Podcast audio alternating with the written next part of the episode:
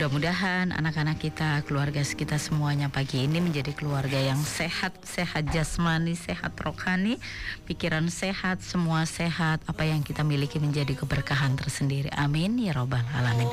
Bersama Dr. Faizat Roshidah. Masih di Fajar Syiar Al Victor. Apa kabar kaum muslimin hari ini? Apa kabar? Apa kabar kaum muslimin hari ini? Kaum muslimin di daerah di dekat di dekat rumah saya adakah Mhm. yang kemudian saya mungkin ada yang tidak tahu tetangga saya ada yang tidak makan. Mhm.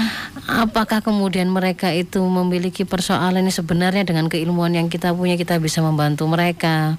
Kita tidak pernah sedikit pun terbersih dengan persoalan itu.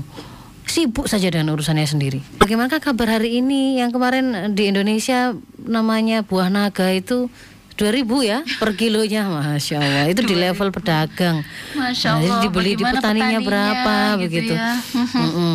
nah jadi eh, yang seperti ini itu harus kemudian bagi seorang muslim dia harus buka mata buka telinga dan merasakan itu bagian dari apa yang menjadi masalahnya dia.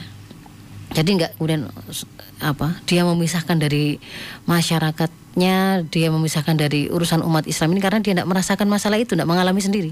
Dia tidak mengalami kesulitan dalam eh, mencari nafkah dia tidak mengalami kesulitan dalam bertransportasi menempuh perjalanan menuju ke mana-kemana. Dia tidak merasakan ancaman dari eh, keamanan seperti yang disampaikan atau dia lihat di TV-TV anak-anaknya dia kelihatannya soleh-soleh tidak ada itu melakukan eh, kekerasan seksual ataupun kejahatan seksual dan seterusnya anak saya nggak juga nggak menjadi korban kejahatan seksual jadi ketika kemudian dia merasa bahwa hidup saya pribadi saya keluarga saya aman-aman saja maka kemudian itu membuat saya tidak peduli kepada lingkungan sekitar maka itu adalah kesalahan Maaf Ustazah, tapi sering kali loh orang tua, maaf, maaf Iya. ya, sebagian itu kemudian ketika melihat kondisi bilang begini, yang penting anakku aman.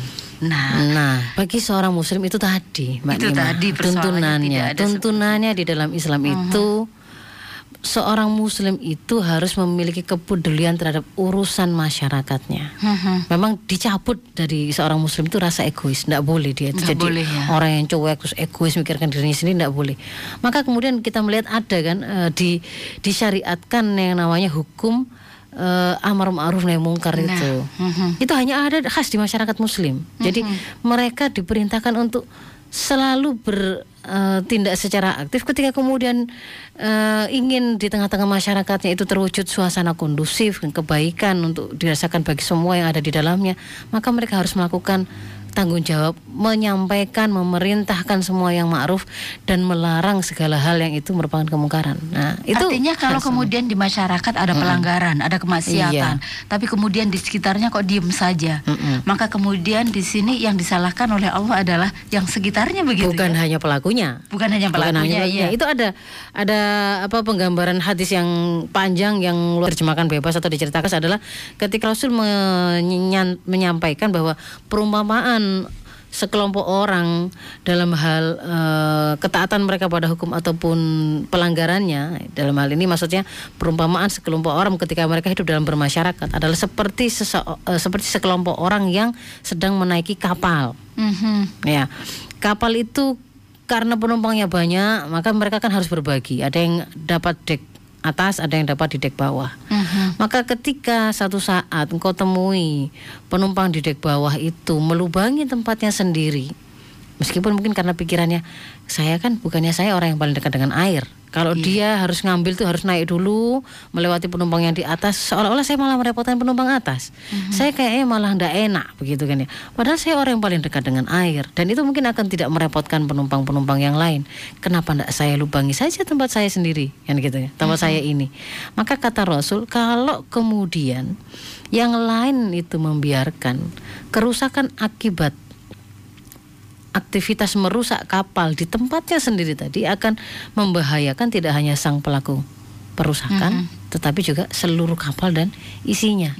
Itu sebenarnya sebuah sebuah penggambaran yang sangat bagus untuk menunjukkan bahwa setiap kemaksiatan, setiap kerusakan, setiap pelanggaran terhadap syariah yang itu terjadi di tengah masyarakat, lalu dibiarkan oleh masyarakat yang lain untuk tetap terjadi, mereka nggak mendukung, mereka nggak memfasilitasi, mereka nggak mereka nggak mengajari ya.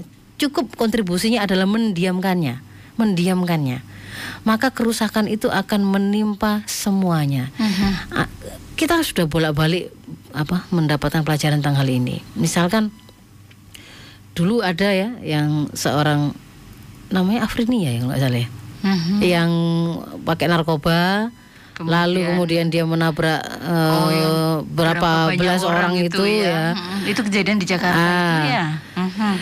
Kalau kemudian berpikirnya loh mau dia pakai narkoba narkoba uang uangnya sendiri dia memakainya kalau tipe tertentu yang tidak membutuhkan hingar bingaran dia mungkin memakainya di kamarnya sendiri kan gitu kan ya di rumahnya sendiri lalu kan nggak merugikan orang itu Heeh. nah ketika kemudian dia memakainya sendiri atau misalnya orang mabuk dia mabuk-mabuk sendiri lalu dia kemudian nyetir seperti tadi itu dia nyetir di jalan yang dia ketika kemudian dia kehilangan kontrol diri karena pemakaian obat-obat yang mempengaruhi mental dan akal itu ya memang akan mempengaruhi kesadaran begitu ya.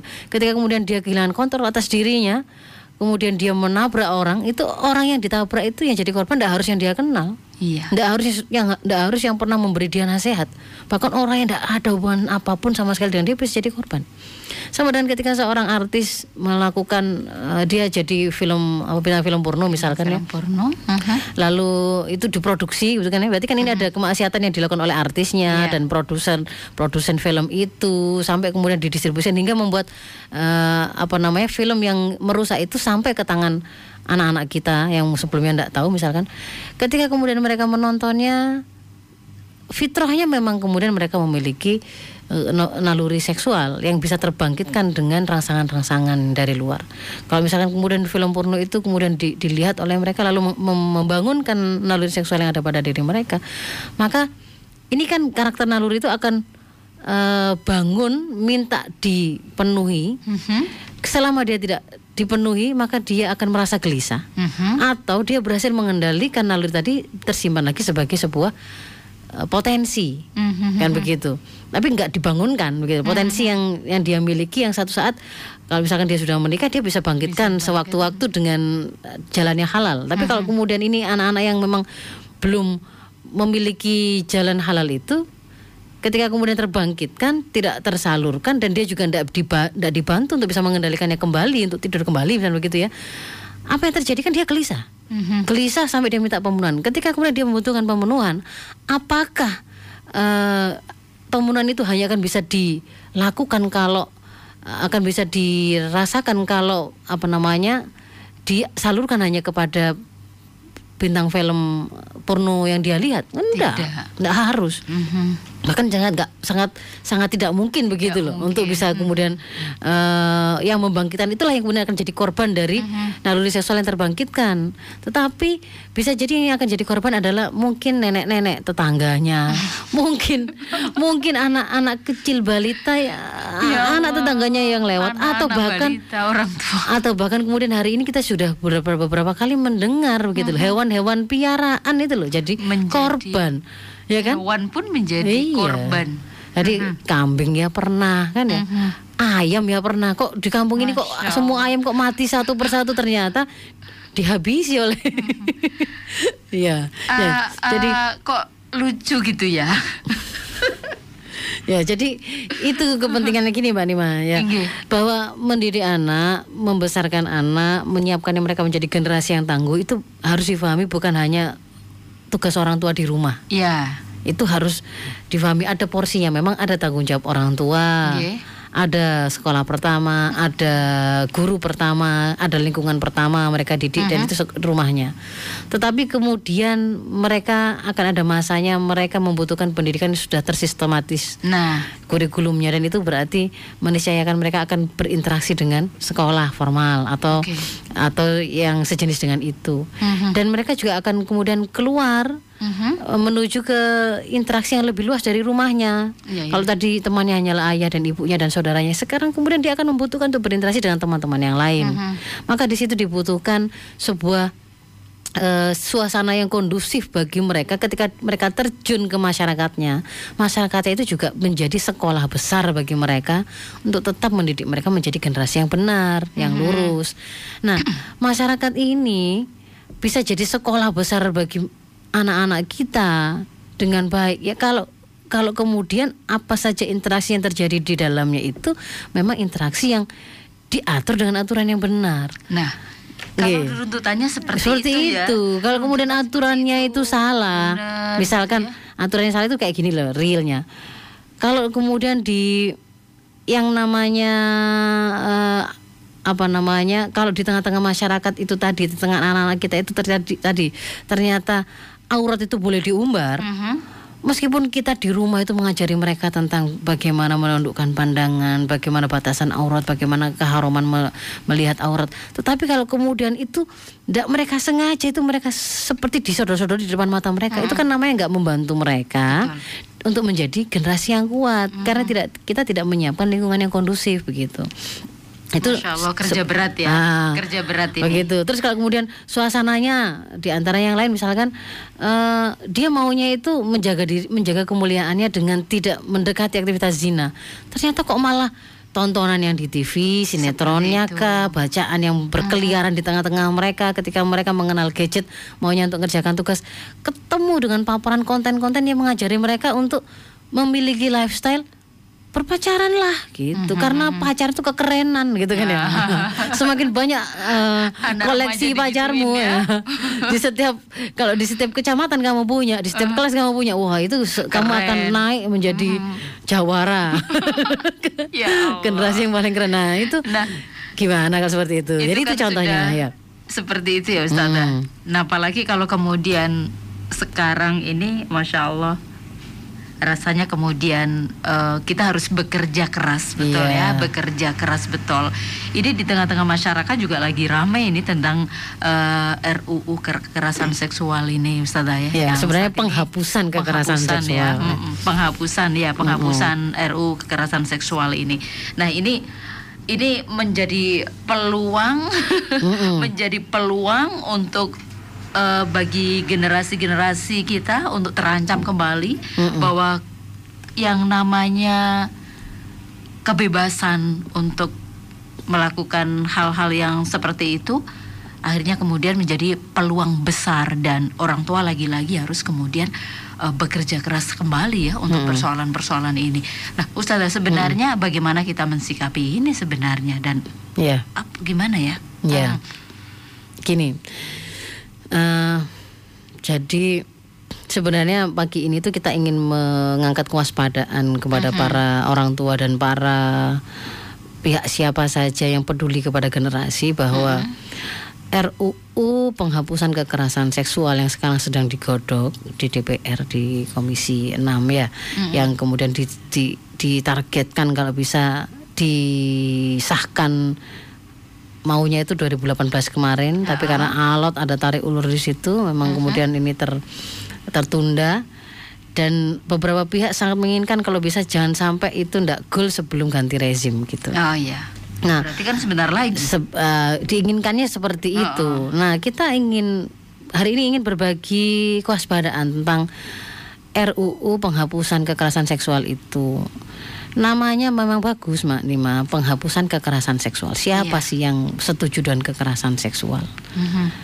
Ada tuh yang setuju anak kita itu dipaksa melacur? Nggak ada. Oh ada. Ada tuh yang di- dipaksa apa setuju ketika kemudian eh, anaknya itu hamil di luar nikah dipaksa aborsi oleh pacarnya misalkan Mhm. nggak ada ya ada tuh yang setuju ist- eh, suami itu ketika mendatangi istrinya itu pakai paksa-paksa gitu ya memaksa kalau nggak mau turun tangan. Nah, turun tangan salah ya turun tangan itu bantu ya. Eh, apa? Ya, benar turun tangan ya. Turun turun tangan membantu. tangannya. maksudnya itu turun tangan itu Kekerasan ya. kekerasan ya. Mhm. kan itu nggak ada. Sehingga kemudian memang kalau narasi yang dibangun apa yang disampaikan memang undang-undang ini seolah-olah tidak ada masalah. RUU ini ya RUU ini seolah tidak ma- tidak ada masalah. Oh itu semua kekerasan kekerasan itu akan dihapuskan. Gitu kan maunya ya. Akan tetapi yang sangat mendasar dari bahaya sangat mendasar dari RUU penghapusan kekerasan seksual ini adalah memang di apa namanya disusunnya draft itu sampai kemudian penetapan definisi-definisinya eh, peraturan yang kemudian dimunculkan atau dibunyikan di situ batasan-batasannya itu memang kemudian tidak digali atau tidak tidak tidak disemangati dari uh, ajaran agama Mhm.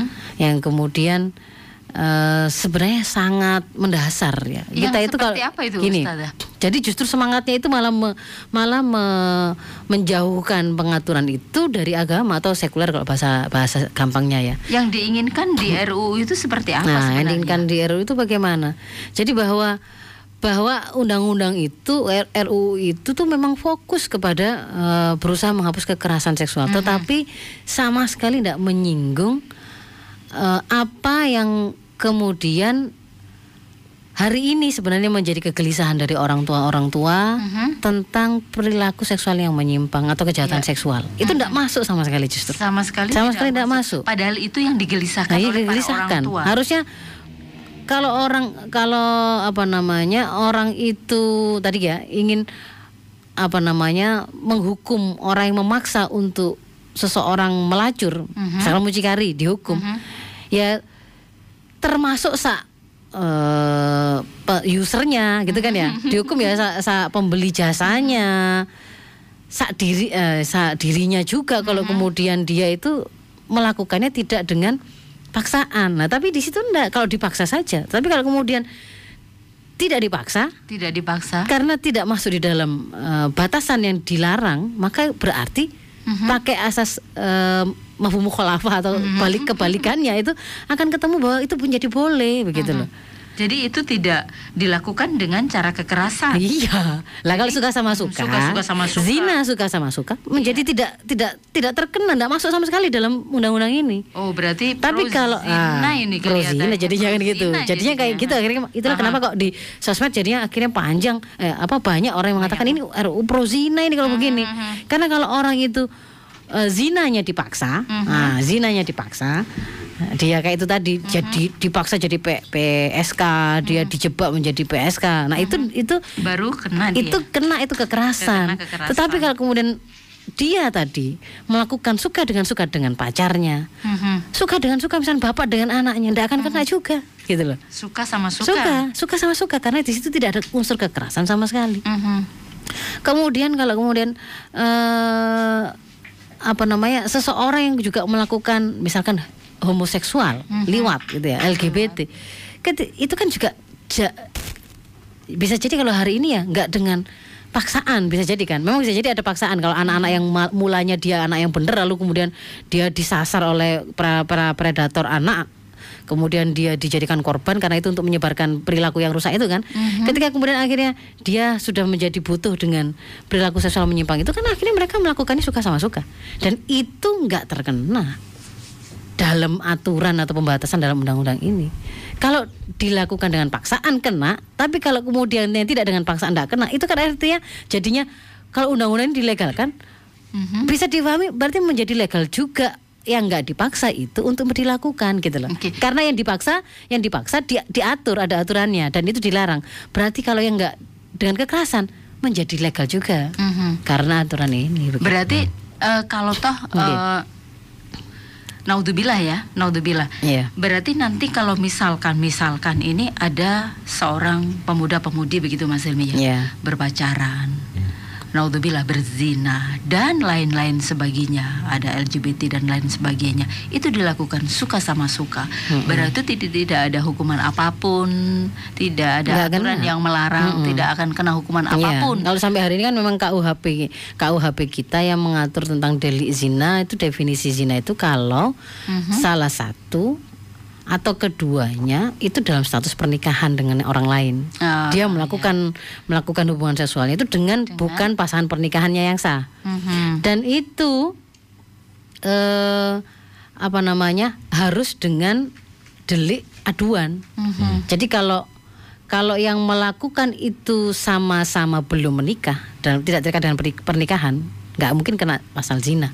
Iya. Atau salah satunya menikah, salah satunya bujang.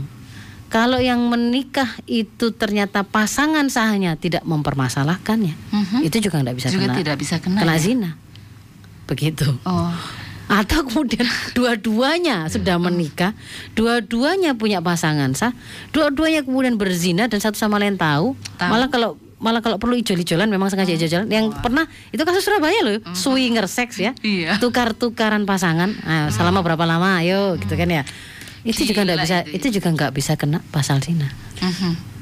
Selain itu, Iya. kan masih ada aturan, masih Iya. ada hukum-hukum adat, hukum agama, Iya agama yang semua agama mesti mesti melarang itu Iya. kan. Iya. Kemudian aturan-aturan misalnya bisa jadi pemerintah setempat dan sebagainya.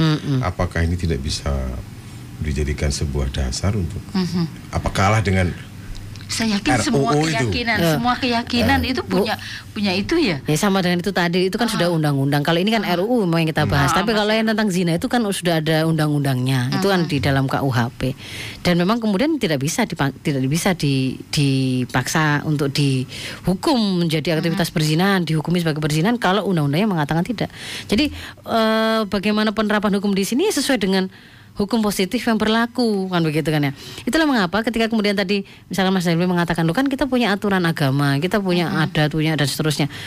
Kan saya katakan bahwa undang-undang ini RUU ini justru dia semangatnya itu tidak mengambil semangat peraturan yang dibawa oleh agama untuk kemudian kita kita terapkan untuk mengatur masyarakat. Enggak gitu.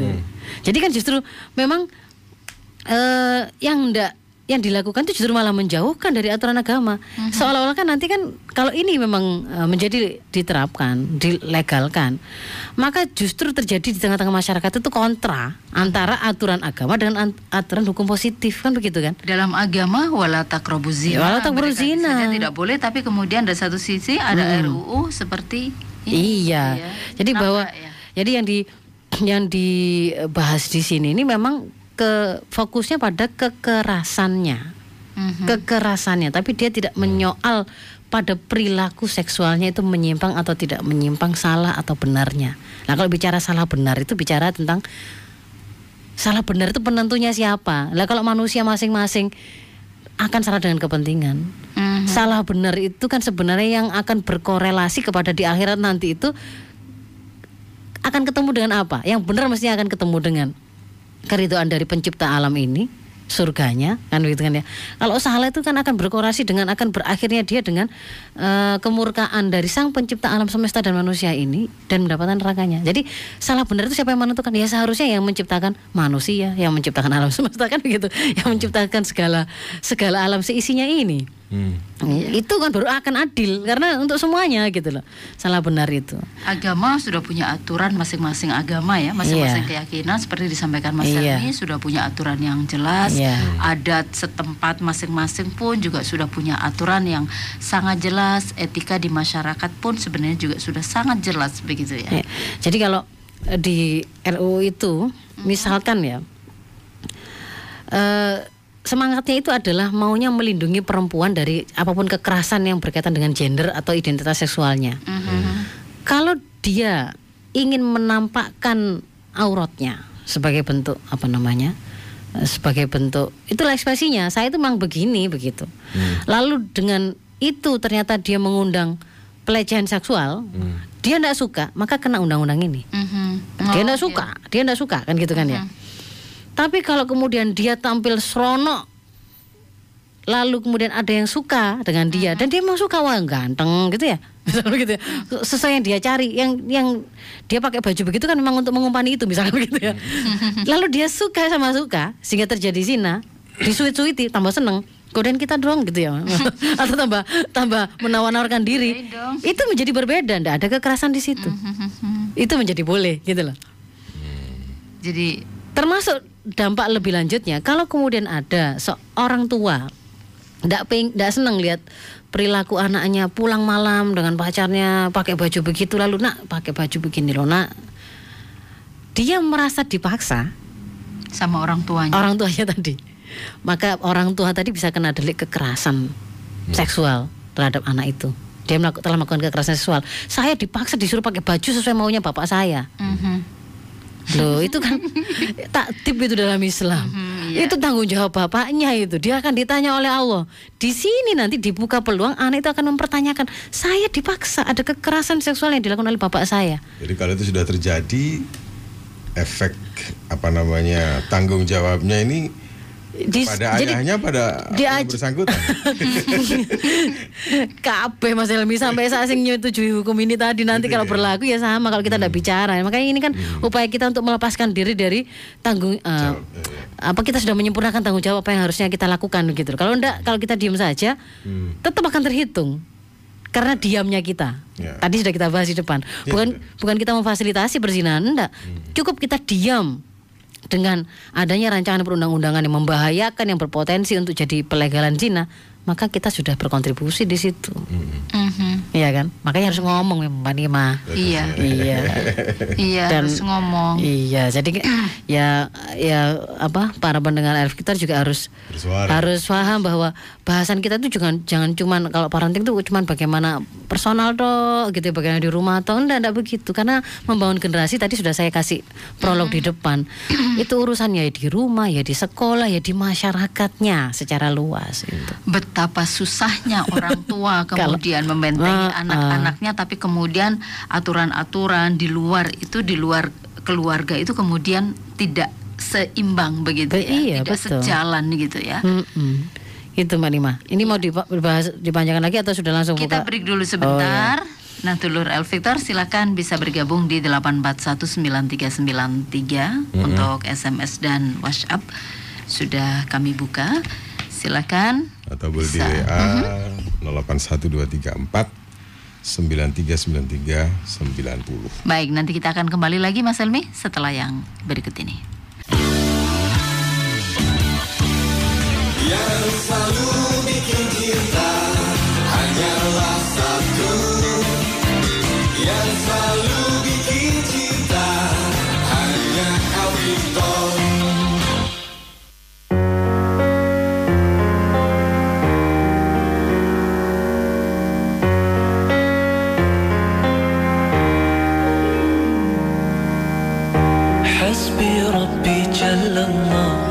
Saning Mazis masih bersama Mas Elmi Ya, ada juga Ustazah Dr. Faizat. Rashidah, Kepala Rashidah. Klinik di UIN Sunan Ampel, Surabaya. Ini memaparkan tentang bagaimana orang tua harus siap-siap dengan anak-anaknya yang terjun bebas. Iya, kita harus melindungi generasi dari ancaman apa pun ya. Ancaman apa pun. Baik. Ustazah ini di 93 sudah ada yang bergabung. Kita coba bergabung dulu ya. Ya. Mas Elmi coba di nggih. Di 93 kita coba buka dulu. Assalamualaikum. Waalaikumsalam. Dengan Ibu wabarakatuh. Bu Puji Mbak Nima Oh, iya. Ibu Puji. Monggo. Assalamualaikum Ustazah. Waalaikumsalam warahmatullahi wabarakatuh. Ini saya ingin bertanya, saya anak saya kan sudah kelas 3 SMP lagi-lagi. Nggih. Mhm. Dia pernah melihat di TV itu kan berita sangat gencar itu tentang prostitusi, tentang zina. Akhirnya dia bertanya, Bu, apa sih prostitusi itu? Apa sih zina itu? Saya jadi tolak-tolak gitu loh. Kelas memberi 3 SMP. Tiga SMP. Ah. Ya, tiga Tiga SMP. SMP loh. Pasti sudah balik ya? Sudah Ustazah, udah besar. Mm. Kok malah dia itu pernah saya tanya tentang mimpi itu ya memang bu kayaknya seperti ada perempuan lewat gitu katanya.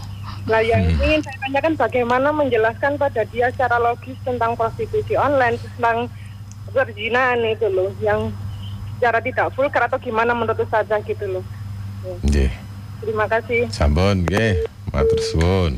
Bu Puji. Nggih. Nggih. Dan dari mana tadi? Mojokerto? Mojokerto. Oh iya, Mojokerto ya. Sampai Mojokerto ya? Oh, sampai Oh, Ustazah. sampai. Malang sampai Ustazah. Oh, ngeten nggih. Mhm. Saya Mojokerto. Aslinya saya itu Soko Mojokerto. Masa Oh, kecil saya sampai masa kelas kecil. 5. Oh, iya, sampai kelas nggih. 5. Hmm. Baru pindah ke sini. Jadi kalau ada yang Mojokerto, oh ya, kayak masih ada masih ada ini pertalian dak. Iya, iya. Iya. Sekitar Assalamualaikum Mojokerto. Sek- Sekitar itu, Zat? Kenapa? Sekitar PGS itu? Yang PGA Mojokerto. Sekarang jadi ya. mana? iya begitu ya. Eh. Perumda Mengelo Soko. Mengelo, Ah, ah. mangelo. Perumdas Mas mengelola Helmi hafal karena yang bawa rekso sana. Ah, persis rumah orang tua saya sebelahnya Masjid Baitur Rahman. Oh, nggih, Persis sebelahnya. Jadi eh, memori sholat Kecil masjid jadi- ah, di situ Ah, ah. semua. Wow.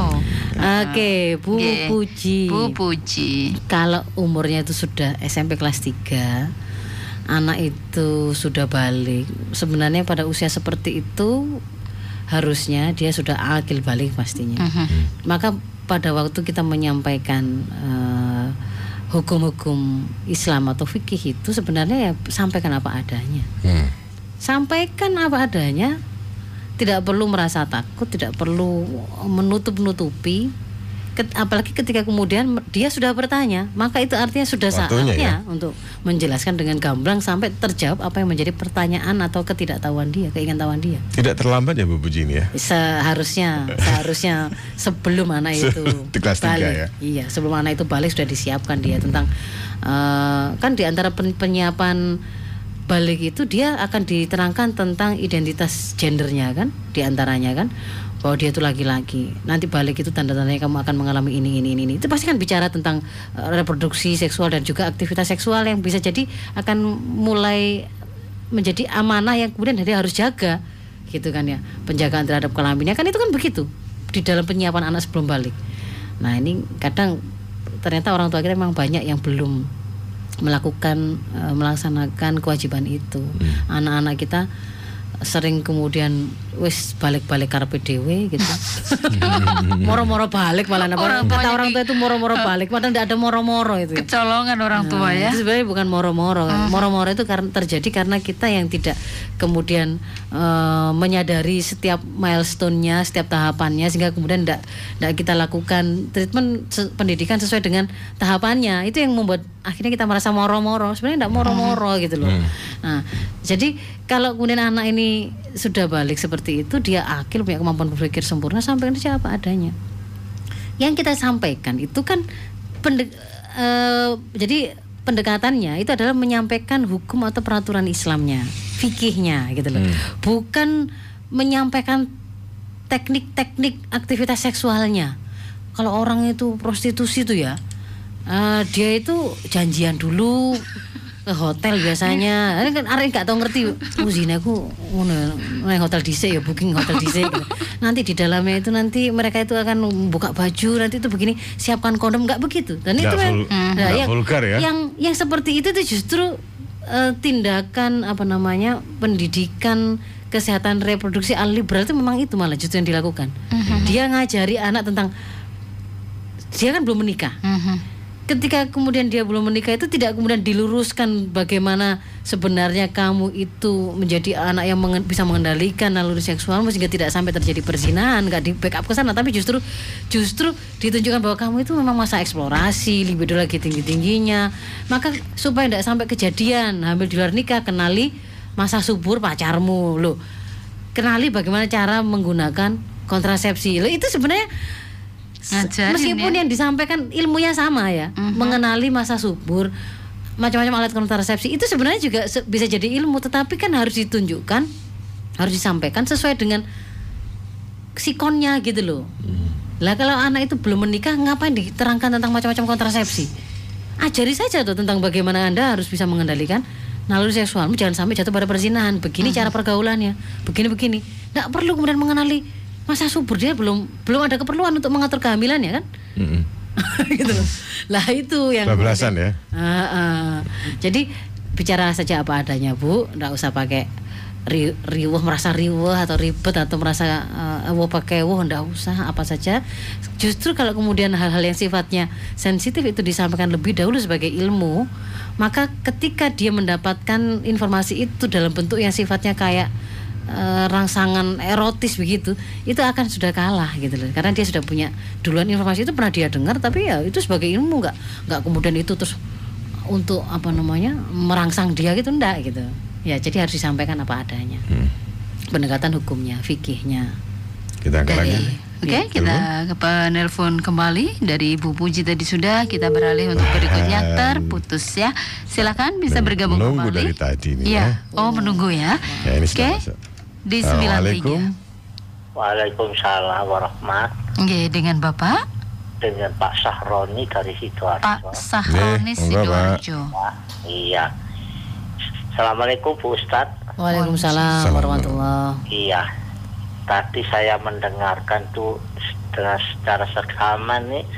Ya masalah undang-undang ini memang ya sulit kalau di anu ya. Kalau diterapkan sama undang-undang agama itu saya kira ya kurang ya tidak bisa sinkron lah. Masalahnya apa? Agama mengatakan harus begini-begini, tapi semua itu kalau menurut saya ya itu semua itu dikembalikan pada orangnya sendiri, dikembalikan pada diri sendiri, Mhm. gitu loh. Dikembalikan pada diri sendiri bagaimana supaya tidak terjadi pelecehan seksual itu harusnya bagaimana? Kalau harusnya begitu. Jadi Bapak berupaya sendiri begitu ya? Iya, ya harusnya Oke. ya. Semua Mhm. itu kita kembalikan pada diri sendiri. Mhm. Kalau memakai pakaian supaya tidak mengundang, Mhm. maksud birah itu bagaimana kan harusnya begitu. Mhm. Kalau menurut aturan agama itu wah ada bagusnya itu memang Mhm. harus pakai jilbab dan sebagainya. Tapi kenapa ya kadang-kadang orang tua itu sudah mengatakan ya begini, begini, begini.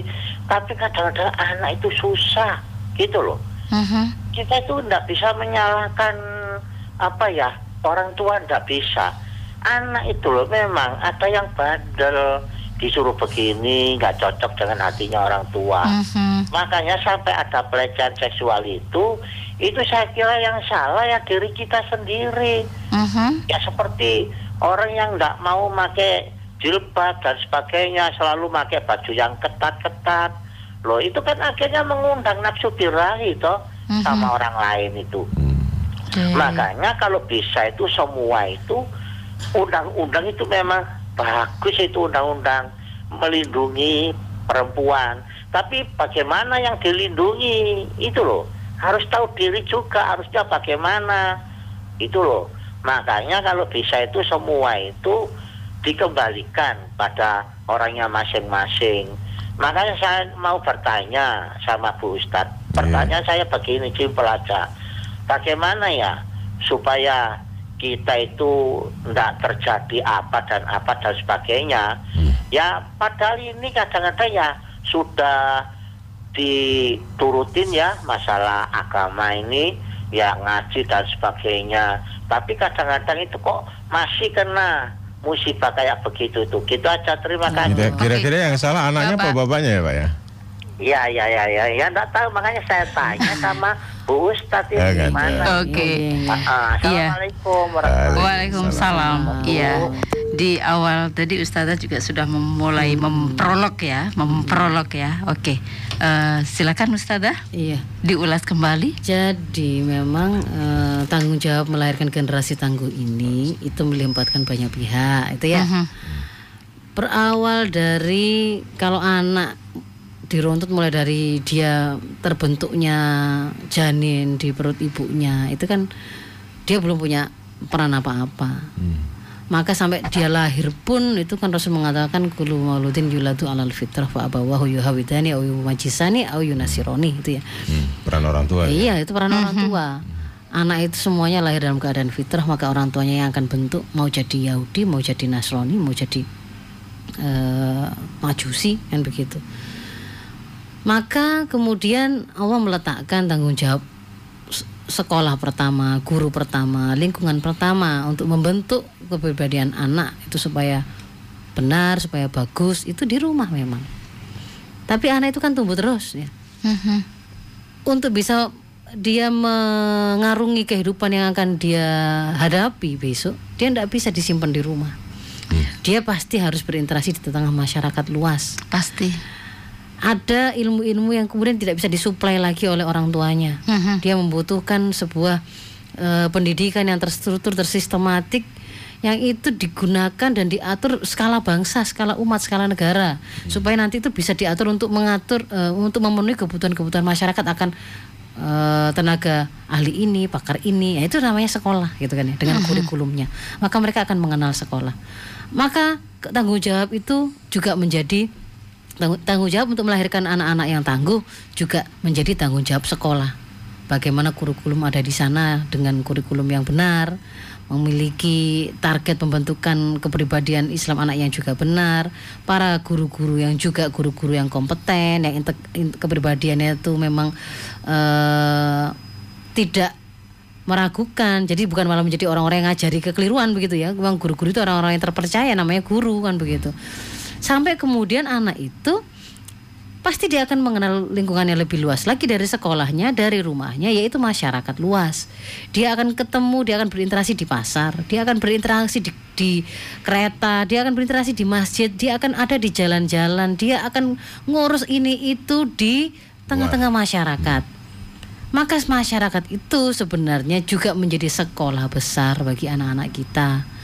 Kalau sekolah itu, eh, sekolah besar itu, setiap anak itu berinteraksi apa pun juga ngajari yang baik. Misalkan dia mau ngurus KTP, kebijakan yang ada di situ membuat dia itu menjadi anak yang eh, taat kepada agamanya, taat kepada pe- Tuhan yang menciptakannya sebagaimana apa yang diajarkan di rumah dan di sekolah. nggak boleh apa namanya, nggak boleh nyogok, nggak boleh nyerobot, nggak boleh melakukan kecurangan, peng- peng- pe- pemalsuan identitas dan seterusnya. Maka dia juga akan dibantu, terbantu untuk menjadi orang yang seperti itu, kan gitu. Tapi kalau sebaliknya, dia tuh justru diajari kalau jalur biasa jadinya kira-kira satu minggu lama tapi kamu bisa jadi nanti siang ambil cuman bayarnya tambah sekian. Loh itu itu juga sekolah sebenarnya gitu loh. Jadi maka karena dari itu kemudian kita kemudian berpikir bagaimana menciptakan menyiapkan sekolah besar ini yaitu masyarakat ini itu menjadi sekolah besar yang memang memang kondusif untuk tumbuh kembangnya anak kita sampai mereka itu menjadi senantiasa menjadi hamba Allah, menjadi orang-orang yang sesuai dengan tujuan penciptaannya, kan begitu. Nah, apa yang mempengaruhi masyarakat? Itu adalah ada level ketakwaan individu pertama itu. Ada eh, kepedulian sosial ya ini di tengah masyarakat itu ada ndak kontrol sosial. Mhm. tadi kan disebutkan ya. Dan yang ketiga bagaimana peraturan atau hukum positif yang sampai bisa memaksa orang untuk taat kepada aturan yang diberlakukan? Tiga ini itu tiga level. Kalau hanya mengandalkan kepada itu terserah itu kan sangat bergantung kepada masing-masing orang saja. Kalau dia bertakwa dia mau pakai baju yang menutup aurat dia mau menahan pandangannya dia tidak mau zina kan nggak akan ada terjadi zina Rasul kemudian mengatakan al imanu yazid wa yankus. Itu Yes. memang itu memang fitrahnya manusia. Iman naik turun. Ada kalinya kemudian ternyata kontrol pribadi ini tuh lepas. Maka di dalam Islam itu ada level kedua. Masyarakat di dalam Islam itu tidak boleh egois maka dia harus selalu melakukan amar ma'ruf nahi mungkar. Ini khas hanya di masyarakat Islam. Jadi itu hanya khas di masyarakat iya. Islam. Diwajibkan untuk masyarakat itu mah diwajibkan nggak boleh dia itu merasa aman ketika di kampungnya, dirinya, ah, di kampungnya misalnya dia lihat di kampungnya itu anak-anak ABG ABG-nya itu malam-malam sampai pagi mojok di satu apa misalkan gerdu gitu ya. Itu dia lihat itu minum-minum, ya main judi. Ketika dia anak ketika dia melihat anaknya nggak ikut di situ, dia nggak boleh merasa aman. Bukan bukan Dia anak diam. saya. Itu bukan anak bukan saya. anak saya. Nggak Anak boleh. saya aman di rumah begitu. gitu. Kalau dia sudah pastikan itu, itu meskipun anak tetangganya gitu loh. Mhm. Loh anak tetanggoku, anak tetanggoku kok kait isu aku budal sampai mulai kok ae. nanggono. Mhm. Apa ndak belajar, apa ndak sekolah, apa ndak dicari ibunya. Orang tuanya. Iku anake, iku anak wedok, iku anak wedok itu tanggoku kok sampai yamene keleleran nang ngembung iki. ya? Bukan iki, bukan anakku, bukan. Dia harus kemudian peduli di situ. Kan begitu ya. Nah, jadi kontrol kedua adalah eh, level kedua yang akan mengendalikan orang untuk tetap lurus berjalan pada track yang benar adalah kontrol sosial. Kalau di dalam Islam namanya amar ma'ruf nahi mungkar, mungkar. aktivitas dakwah. Makanya sampai disemangati beliau ani walau ayat itu. Sampaikan meskipun cuma satu ayat sampaikan. Kan gitu kan ya. Fahami, lakukan, sampaikan meskipun cuma satu ayat. Jadi bukan tanggung jawabnya ulama tok dalam Islam itu dakwah itu.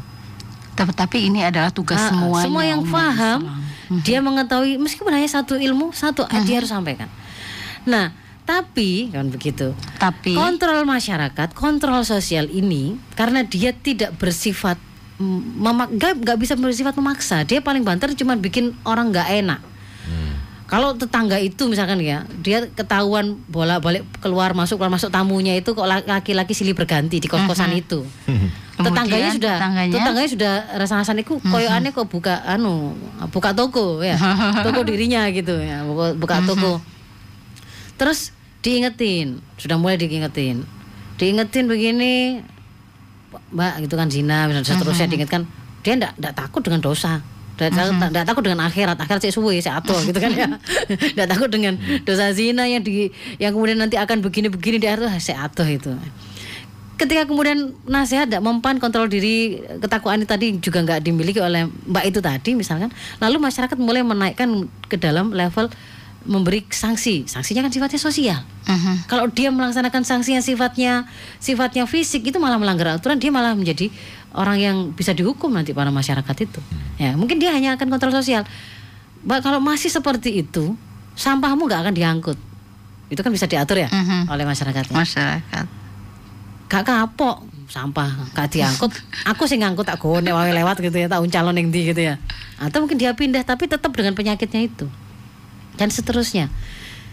Bahkan bisa jadi masyarakat itu sampai pada tataran apa me- menghukum dengan melakukan eh, sanksi yang akhirnya malah menjatuhkan mereka kepada pelanggaran hukum. Yang mereka malah dilanggar. Misalkan mereka malah yang akhirnya dianggap pelanggar hukum yang kemudian di dihukum dimasukkan penjara karena misalkan me- apa me- mempermalukan dengan cara mengaraknya. Itu atau main hakim sendiri kan akhirnya malah salah gitu kan ya.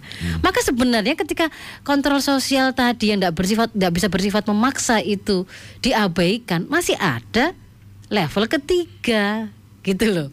Level ketiga itu adalah kebijakan dari negara, peraturan undang-undang. Kenapa kok bisa memaksa? Karena si pemilik kekuasaan ini diangkat oleh rakyat memang untuk dikasih kewenangan menerapkan aturan atas mereka dan kontraknya itu kalau kamu melaksanakan aturan itu saya akan mentaatinya kan begitu kan ya? Kalau sudah anda ter- tetapkan terapkan kan saya akan mentaatinya. Harus Nah, mentaati. dia bisa memaksa. Kalau saya tidak taat kamu bisa melakukan penjatuhan sanksi begini-begini kan begitu. Nah di situlah mengapa berarti kita harus bermainnya pada tiga level ini. Mhm. Berarti tidak bisa main sendiri-sendiri kalau tadi L- kalau cuman pada dikembalikan pada tadi- perseorangan nanti merasa putus asa orang tua itu. Oh pasti. anakku tak tungakno sampai keturun gitu ya. Ustazah gimana caranya anak saya seperti ini seperti ini Iya, bla, sudah- bla, bla, sudah bla, begini bla, panjang lebar, begitu. tapi- kurang apa saya anak itu Gitu ya. dilepas di tengah masyarakat yang Mhm. perzinahan itu malah jadi keseharian. Bayangkan kalau misalkan itu kampung kampung perzinahan kan ada. Mhm. Anaknya di- dikasih wah jangan jangan jangan sampai kamu nanti nurut neruskan neruskan apa yang dibangun oleh oleh orang tuanya kan. Lah orang tuanya kemudian juga di situ cari makan dari para para para pengunjung para bezina-bezina itu misalnya ini tidak bisa. Jadi ya memang tiga level itu pendekatannya membangun ketakwaan individu, membangun kontrol sosial masyarakat yang bagus yang kuat dengan amar ma'ruf nahi mungkar dengan dakwah kan begitu kan ya. Lalu yang keempat me- apa namanya mewujudkan sebuah eh, tata aturan di tengah-tengah masyarakat yang itu sesuai dengan tujuan kita diciptakan ya sesuai dengan aturan agama. Dan untuk saat ini sebenarnya pagi ini kan ingin menyelamatkan Iya, semuanya, anak-anak kita, anak-anak tetangga kita, anak-anak lingkungan, anak-anak bangsa semuanya terselamatkan. Iya, seperti itu Mbak Nima. Mhm, kan seperti itu sebenarnya. Oke, Mas Almi masih WA, ada? WA belum. Oh WA banyak pertanyaannya beragam. Ada dari Bujum di Madura. Madura ya. Madura bisa bahasa Madura ya Ustazah ya. Iya, sampai Madura ya. Kalau luar Ja- eh, Jawa Tengah Barat gitu sudah Oh, enggak ya? Oh, bisa, streaming ya? Ini di Mekah bisa. Di Mekah bisa. Oh, iya. Iya, iya. Waktu siaran dari Mekah juga bisa. Oh iya ya. Aman. Waktu umroh kita bisa sambil siaran ya. Jadi tidak harus di depan libur. Ka'bah bisa, di Iya, depan Ka'bah betul, kita live di sana. Assalamualaikum. Hmm? Dari Ma- dari Madura ya? Iya, dari Ya, Madura. Mbak Nima harus pakai bahasa Madura. Oh, Mas Elmi. Oh, loh, ini kan ibu loh. Loh, Oh, ibu. Lah iya, ini ibu. Iya, karena ini media saya pakai bahasa Indonesia ya. Habis waktunya ayo. Dari Bujum di Madura. Mau tanya Ustazah, oh tapi ini persoalan gini, beliau ini belum punya keturunan. Ustazah, bagaimana upaya saya bisa mendapatkan keturunan? Doa atau apa pun gitu. Silahkan dari Bujum. Ah, ah. Berdoalah dengan doa Nabi Ibrahim, berdoalah dengan doanya Imron, ya. Hmm? Nggih. Rabbi habli minas Rabbi habli solihin minas solihin Rabbi la tadarni fardan fa anta khairul warithin Jadi ya. kalau kalau kangelan pakai bahasa itu menukil dari Qur'annya pakai bahasa kita apa pun Allah akan tahu Ya Allah, aku pengen anak ya. Nggih. Kulo pengen anak, tapi sebenarnya mulia tidak mulianya kita itu tidak dilihat dari kita punya anak atau tidak punya anak. Nggih. Tapi bagaimana kan se- seta- sejauh mana ketakwaan kita punya anak gak diramut, Mhm. gak takwa, tambah jadi molo ya. Gak punya anak, tapi kemudian dia tetap dengan ketakwaannya, dia kemudian menyebarkan ilmu menjadi ibu dan bapak dari banyak anak-anak lain, itu juga akan mengantarkan pada kemuliaan. Eh, se, se- apa namanya sebagai inspirasi atau pelajaran begitu, saya pribadi dikaruniai anak kandung itu setelah tahun ke-13 pernikahan. Tahun ke-13 pernikahan Betul. baru punya dikaruniai anak. Kalau anak yang hidup Kandung. mungkin malah justru 14 tahun pernikahan. Karena sebelumnya meninggal. Oh, iya. Setelah 12 itu meninggal. eh, 13 ya betul. Heeh, 13 tahun pernikahan. Baruan ya. Iya, Baru anak sendirinya. Allah menitipkan karunia itu ada ya. ada kiat-kiat misalnya Seperti apa ya Ustazah anaknya ya? saudara atau sebelum itu Ya itu enggak pakai enggak pakai diniati bukan karena Hmm. gak tuh anak berarti aku tak ngopeni anak enggak aku Tak itu. mancing gitu Enggak ya, ada biasanya mancing-mancing gitu. begitu. Ya, Ya, ya. wis. Kalau memang ada ada peluang amal soleh lakukan. Kalau kita ingin eh, apa namanya dikabulkan apa yang menjadi permintaan kita. Sebenarnya kan permintaan kita itu apa pun pasti akan dikabulkan kan. Ada yang dikabulkan segera, ada yang dikabulkan tertunda, ada yang ditundanya sampai di akhirat nanti. Jadi ndak ada ndak ada salahnya, ndak ada nggak atau ndak ada sia-sianya meminta kepada Allah. Ya. Cuman memintalah dengan dengan keyakinan, dengan ketawaduan. bisa beri Nah, masalah ah. sabar. Jadi jangan Bisa Oh beri aku ya Allah wis pirang tahun ya Allah. Tonggo iku gak iso ngrawat anak iki anak aku. Oke. Aku koyo ane Bukan nyalahno Gusti. koyo ane iso aku iki tapi DKI. ganti kayak Ya, Ya. perlu nggak ada ini kan dalam Iya. dunia medis perlu ada tindakan-tindakan Oh iya, gitu ya. itu satu sisi keya- ya. keyakinannya tuh harus dibangun dulu begitu. Allah sang pemberi rizki itu sama dengan rizki anak itu. Jadi Allah itu sang pemberi rizki mutlak, bukan bukan yang laki itu yang membuat eh, dia bisa hamil atau yang perempuan. Hmm. Bukan pula orang lain gitu loh. Jadi orang lain itu nggak usah sibuk. Allah memberi rezeki gitu ya. Itu Orang lain. itu orang lain nggak usah sibuk, tapi beliaunya sendiri jangan jangan galau dengan apa kata orang. Karena Hmm, penting. Arisku biadilah wahda sudah itu itu rezeki di tangan Allah. Allah juga tidak akan menghitung sebagaimana rezeki pada umumnya. Allah tidak akan menghitung berapa besar rezekimu, kamu kaya atau miskin. Tetapi yang akan dihitung adalah bagaimana kamu mendapatkan rezeki itu, bagaimana kamu membelanjakan rezeki itu, kan gitu. Mhm. Bagaimana kamu bisa punya anak, Mhm. zina, apa tetap bertahan dengan pernikahan yang sah, gitu kan, ya, kehalalan. Kalau kamu tuh ya anak, mbok sia-sia, mbok ramut atau bagaimana? Itu yang akan ditanya, Itu gitu. yang ditanya. Bukan kok kamu gak tuh ya anak dosa kan? Enggak. Kok akan kamu wake dosa? Enggak. ya jadi itu harus paham dulu. Nah, setelah yakin itu sudah sudah sudah menancap pada kita, ya nggak usah bingung dengan apa kata orang. Mhm. Karena ketika kemudian stres itu tadi itu ada pada dirinya gitu ya. Itu mempengaruhi kepada hormonalnya dia, oh, tambah stres. Ben ketemu uang wis wedi disian ditakoni anake piro. Wis wis isi. Dan seterusnya. Jadi sudah Sudah siap. enggak usah iya, enggak usah bingung dengan itu. Tetap yakin bahwa kalau memang Allah itu menghendaki dan merasa kami layak siap diberi amanah, Allah akan memberikannya pada saat yang tepat. Ya. Itu kalau pelajaran dari kami, suami saya itu juga begitu. Eh, nggak ada kekhawatiran begitu, kapan dikasih anak. Meskipun kami sudah sudah mulai-mulai menua begitu tidak, tidak kemudian eh langsung gitu, kok wis tambah tua tambah lo pelajaran tentang orang yang tua lalu kalau Allah menghendaki diberi Nabi Ibrahim Nabi dikasih. Ibrahim. kan begitu kan ya? Kalau kalau beliau menjawab mau dikasih sekarang mau dikasih besok. Yang penting kalau dikasih mintanya itu yang soleh yang mengguncang dunia maksudnya begitu Nah, itu. langsung kualitas itu memang begitu Nah, yang soleh yang Wah, mengguncang dunia. seperti keturunan Ibrahim gitu loh. Kalau ke- kalau seperti keturunan Ibrahim itu mintanya kalau minta nitip doa ke mana-mana orang yang uh, umroh haji minta nitip apa bi? Nitip minta dikari, dikaruniai anak seperti keturunan Ibrahim. Lah subuh ya bi gitu kan. Lah lama itu Ibrahim lah. Mau dikasih sekarang mau dikasih kapan? Tua muda. Yang penting keturunan Ibrahim itu tadi begitu. Ismail. Eh, Berarti ya sudah gitu kan ya. Selesai gitu mantap. Baru kemudian ikhtiarnya. Sababiyahnya dilakukan, hukum sebab akibatnya dipenuhi. Pemeriksaan datang dong, cok diramasi dewe kan gitu. Kalau kemudian sudah sudah ikhtiar, sudah dilakukan langkah ke sana, kok belum bersabarlah. Insya Allah itu yang terbaik pokoknya. Apa pun yang diberikan oleh Allah itulah yang terbaik. Yang terbaik ya. Iya, tetap berusaha. Begitu, Ibu, iya. itu, nggih. Alhamdulillah. Ini Buju mewakili yang lain-lain ya. Ini yang Tadi belum ditanya ya, Bu Jum berapa tahun itu nikahnya? Oh, Iya. belum. Iya. Karena WhatsApp tadi. Bisa jadi nggak belum sampai belasan tahun.